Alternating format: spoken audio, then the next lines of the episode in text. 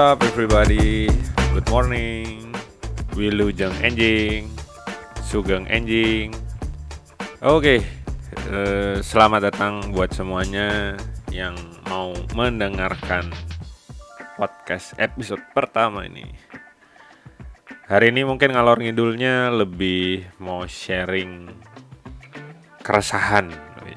Mungkin keresahan sejuta umat manusia di dunia.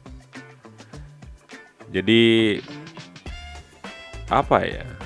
Ternyata coronavirus ini belum kunjung mereda, terutama untuk di daerah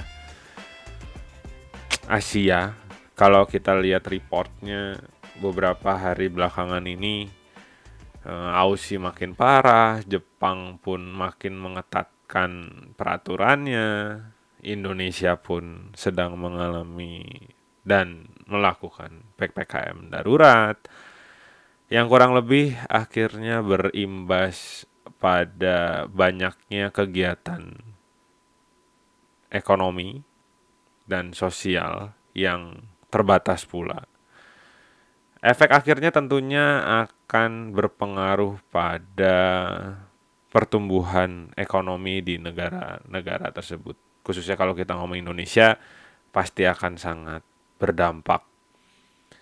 Bisa dilihat eh, kemarin sempat penutupan IHSG di hari Selasa itu sempat turun kembali di angka 5.900 something dan kemudian lumayan bounce back di hari Rabu kemarin dan harapannya em, minggu ini kita bisa tutup dengan angka yang gemilang karena kalau dia dikerek turun lagi ke bawah eh, rasa-rasanya agak berat lagi untuk melanjutkan pertumbuhannya. By the way, beberapa hari kemarin banyak video-video di media sosial yang memviralkan em, penindakan dari eh, aparat Satpol PP yang kurang berkenan gitu ya saat melakukan penertiban. Agak susah ngomongnya kita ya. Di satu sisi hmm, kita butuh cari makan, di satu sisi memang kita perlu em, menyukseskan acara PPKM darurat ini biar cepat selesai pandeminya. Cuma memang ini tugas yang berat untuk pemerintah dan untuk kita juga. Tapi ada satu hal yang menarik yang kemarin gue bahas sama teman-teman. Ternyata PPKM darurat ini mm, memunculkan fenomena atau bukan fenomena, lebih ke fakta kali ya. Bahwa ternyata kita manusia ini yang pun punya pendidikan ataupun tidak punya pendidikan, ternyata saling bergantungan. Yang kaya punya duit banyak, hari ini juga nggak bisa ngapa-ngapain. Mau belanja mallnya ditutup, mau pergi-pergi bandaranya diperketat, mau makan enak susah, restorannya cuma bisa dine in. Ada juga dari masyarakat yang beberapa golongan sedang berjuang saat ini. Eh, orderan Gojek mungkin banyak turun drastis. Em, Pedagang-pedagang kaki lima yang yang berharap dari orang lalu lalang hari ini sangat sepi.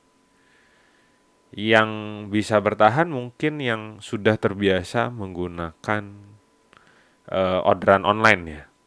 Entah itu dari Go GoFood, GrabFood atau Shopee Food, apa pun itu.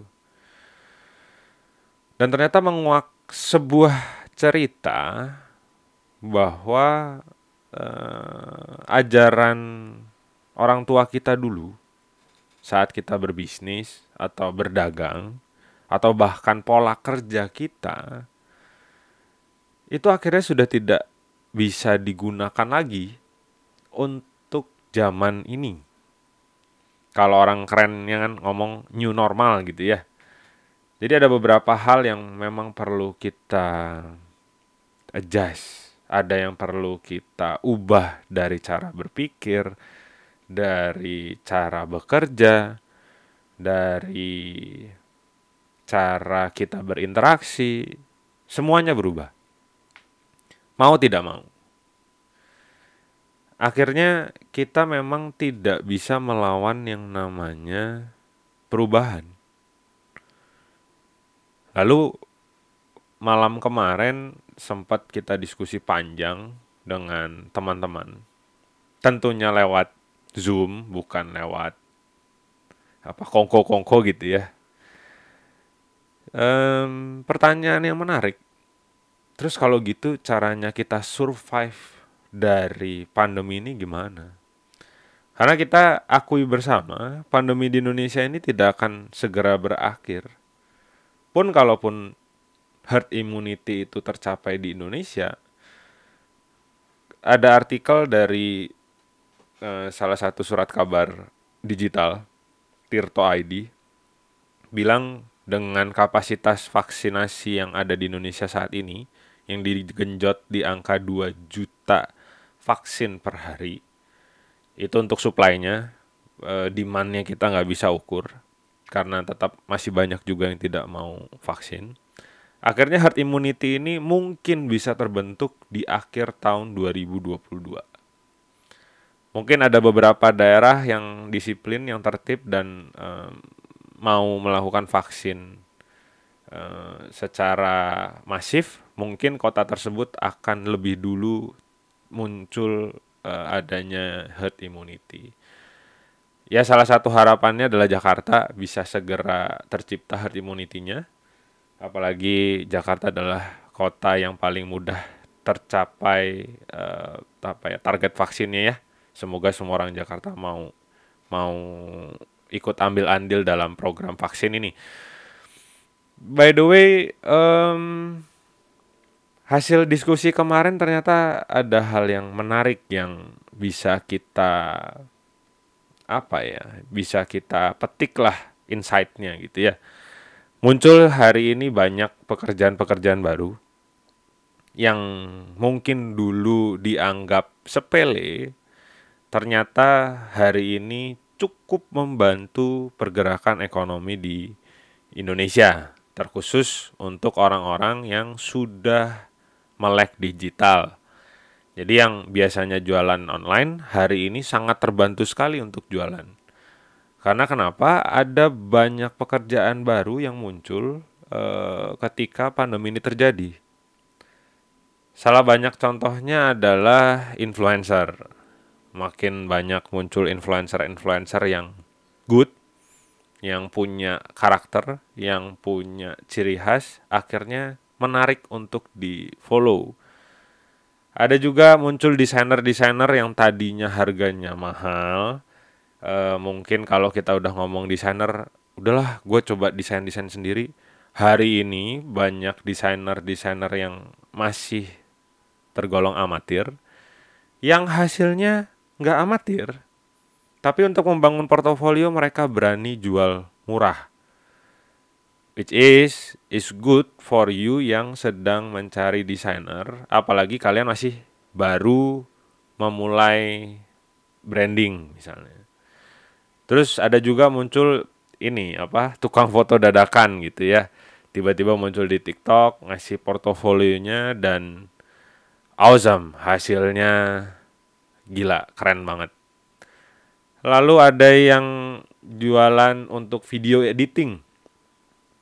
Jadi yang dibilang video editing gak bisa jualan, hari ini mungkin video editing menjadi salah satu e, mata rantai di ekonomi digital. Karena satu, influencer belum tentu bisa video editing. Akhirnya mereka nyari video editor yang mumpuni untuk menyokong mereka menjadi seorang influencer. End up dengan kata ekonomi digital. Ekonomi digital tuh yang kayak apa sih gitu ya? Jadi kalau kita bisa simpulkan dari hasil diskusi semalam, kurang lebih gampangannya mungkin mall ke depannya udah tidak menjadi hal yang seksi. Bahkan di Amerika sedang menjadi tren itu belanja dari rumah. All of thing yang mereka butuhkan di rumah itu mereka belanja online. Dan karena mereka infrastrukturnya udah oke, okay, hal itu sangat smooth dan menjadi eh, apa namanya ya? menjadi hal yang menarik di pasar sahamnya mereka bahwa perusahaan-perusahaan retail yang menyediakan jasa online shopping itu e, menjadi tempat investasi yang baik saat ini. So, kira-kira kita bisa apa untuk saat ini? Mungkin agak berat untuk melakukan adjustment, pasti berat pasti sakit karena sekali lagi keluar dari kebiasaan itu bukanlah hal yang mudah. Tapi ingat, ketika kita tidak bisa adjust dengan keadaan saat ini, dengan ke kondisi kompetisi ekonomi yang saat ini ada, maka jangan kaget nanti di kemudian hari bakal ada brand-brand yang akan mengalami hal serupa seperti uh, Nokia, seperti Kodak gitu ya, yang puff hilang gitu aja karena tidak mau mengikuti zaman. Nokia sih udah lumayan oke okay lah ya, sekarang dia sudah mulai masuk, cuma menurut gua udah lumayan terlambat. Uh, provennya ya paling mudah Kodak. Kodak bukan tidak menjual harga, uh, barang yang yang barang yang jelek gitu ya. Mereka punya produk-produk yang good but still ya eksistensinya akhirnya menghilang karena mereka tidak bisa adjust dengan ekonomi hari ini. Ada juga yang tiba-tiba oh ini yang lucu itu eh, apa mulai banyak trader-trader dadakan lah. Mungkin gue termasuk salah satunya ya. tiba-tiba menjadi seorang trader di masa pandemi ini. Ya, but I choose become a trader hmm, dengan berbagai pertimbangan, dengan adjusting kiri kanan dan yang paling memungkinkan gue lakukan sekarang adalah menjadi seorang trader. Jadi diskusi kemarin malam akhirnya banyak pertanyaan. Jadi gue harus ngapain ya? Gue punya barang nih. Gue biasa jualan di Mangga 2 kencang banget jualannya. Omset juta-juta satu hari. Tapi sekarang end up dengan apa? PPKM Mangga 2-nya jadi tutup. Kita mau masuk aja nggak boleh, nggak bisa jualan. Pun kalau kita buka toko, nggak ada yang datang. Terus teman gue satu lagi yang kerja pun akhirnya kesulitan. Kalau kesulitannya apa? uh, pekerjaannya menjadi sulit dikerjakan karena harus work from home. Tapi apakah itu menjadi sebuah hambatan untuk kita bekerja? Harusnya sih tidak ya. Untuk pekerja mungkin agak lebih susah shiftingnya karena memang terpaku sama kebijakan perusahaan. Tapi kalau kita yang berbisnis atau berdagang, ayo kita coba ulik lagi Kira-kira apa yang bisa kita lakukan untuk survive? Entah itu kita switching produknya kita, entah itu kita switching cara dagangnya kita. But at the end of the day, kita harus berubah. Kita harus adjust. Nggak bisa ngomong, aduh, nggak bisa ngomong gimana nih, nggak bisa ngomong Hah ini pandemi nggak beres-beres. No, no, no, no. Justru kalau yang masih beruntung, yang masih bisa bernapas, masih bisa dagang, mulai dari sekarang pikirin caranya gimana kita bisa survive di ekonomi seperti ini. Karena ini tidak mungkin tidak terjadi lagi. Mungkin 10 tahun lagi akan kejadian sesuatu yang menciptakan kita harus melewati krisis berikutnya. Maka yang namanya kita menjadi fluid terhadap situasi mungkin akan lebih good ketimbang kita yang selalu saklek dengan sesuatu. Set story ada teman gua yang bahkan dia jualannya jualan uh, kebutuhan pokok yang mau ada pandemi nggak ada pandemi pasti laku jualannya tapi ternyata di pandemi seperti ini dengan berat hati setelah hampir 2 tahun kita struggling gitu ya ya dia akhirnya memutuskan untuk tutup. Padahal udah hmm, mungkin dari dia kecil kali toko ini berdiri gitu ya. Usahanya ini berdiri karena adanya pandemi satu dan lain hal miscalculation akhirnya tutup. Dan hari ini zero income Hmm, yang menjadi suatu hal menarik lagi adalah ketika dia cerita. Tahu gitu gitu ya. Tahu gitu dulu gue belajar. Siapa tahu dulu gue belajar foto hari ini gue bisa jualan jasa gue untuk foto. Pun gue suka foto-foto. Harusnya waktu itu duit gue gue invest ya gitu ya harusnya coba dulu gitu ya. Selalu muncul kata-kata itu ketika hari ini muncul, hari ini tiba, hari ini datang ke kita yang tidak diduga-duga, kita harus mengambil keputusan sulit untuk keluar dari kebiasaan. Akhir kata kita semua sepakat.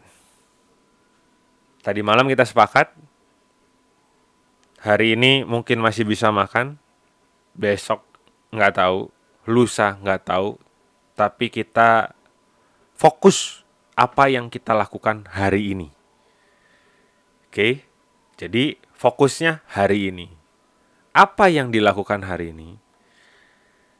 Yang dilakukan hari ini kita sepakat untuk mulai merubah mindset. Merubah mindsetnya apa? Yang kita mulai adalah merubah kebiasaan kita. Jadi kalau dulu ada waktu luang, mungkin kita dengan mudahnya bilang, yuk Netflix kan, yuk e, nonton bioskop, yuk e, nongkrong, yuk party, yuk apa. Hari ini kita sepakat untuk memulai melakukan satu hal yang Eh, revolusioner buat kami semua, buat gua dan teman-teman gua, yaitu investasi leher ke atas. Gua dan teman-teman gua sepakat untuk uh, apa ya? Memilih salah satu bidang yang kita akan tekuni uh, dan mungkin bisa dimonetize. Mungkin loh ya, bukan pasti dimonetize. But in the future pasti akan kepake. Entah itu buat diri sendiri atau itu bisa dijual untuk dimanfaatkan orang lain. Apa pun itu, tapi intinya adalah investasi leher ke atas. Butuh waktu berapa lama untuk itu menghasilkan, kita nggak tahu. Tapi yang pasti investasi leher ke atas adalah investasi yang paling mahal dan priceless menurut gua dan teman-teman gua ya. Jadi ada kalanya kita stop untuk bilang harusnya tahu gitu dan lain sebagainya karena hal itu nggak bisa diulang lagi. Mungkin kalau semua bisa bilang tahu gitu, semua orang pada sukses kali ya. Tahu gitu gue ambil keputusan ini, tahu gitu harusnya dan lain sebagainya. Jadi hari ini kita mau mencoba menghilangkan unsur kata-kata itu dalam hidup kita dan kita sudah nggak mungkin menyesal juga anyway um, ya nggak bisa ngapa-ngapain juga nggak bisa ngulang. Kita bukan time traveler.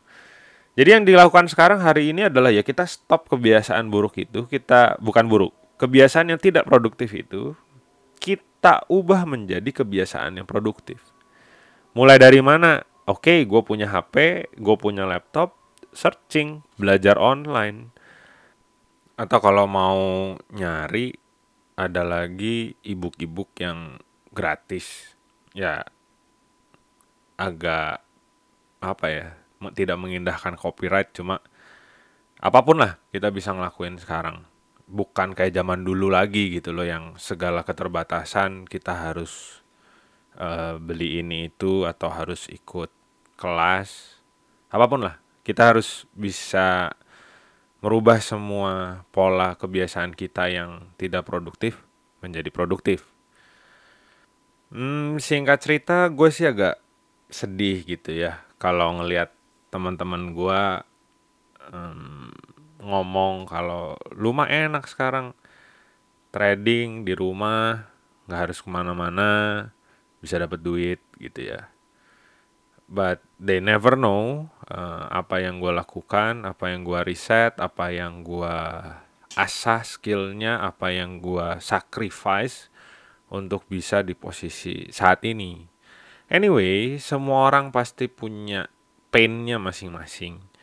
Jadi, um, come on, stop complaining, jangan, gak usah banding-bandingin orang lain, keep focus on yourself gitu ya, um, getting better better and better tiap hari, even itu cuma satu persen. Uh, apa pun itu, ketika kita bisa fokus terhadap diri kita sendiri tanpa membanding-bandingkan orang dengan orang lain, gitu ya, hasilnya pasti akan baik kok. Trust me, um, semua usaha kerja keras kita dilakukan dengan baik dan smart, hasilnya pun pasti akan baik gitu ya. Tapi ingat, jangan fokus pada hasilnya, tapi fokuslah pada prosesnya. Anyway, um, mungkin gitu aja kali ini, episode kali ini. Yang uh, mungkin itu sedikit keresahan di diri gue beberapa hari ini. Yang gue mau share ke kalian semua. Gue harap ini bisa menginspirasi kita semua, memberikan motivasi buat kita semua uh, mungkin bukan materi yang bisa gue share tapi gue bisa share hope gitu ya harapan. Selama kita masih punya harapan tujuan akhir kita pasti bisa tercapai. Jangan hilang harapan tetap semangat tetap produktif. And ciao bye bye sampai berjumpa di episode berikutnya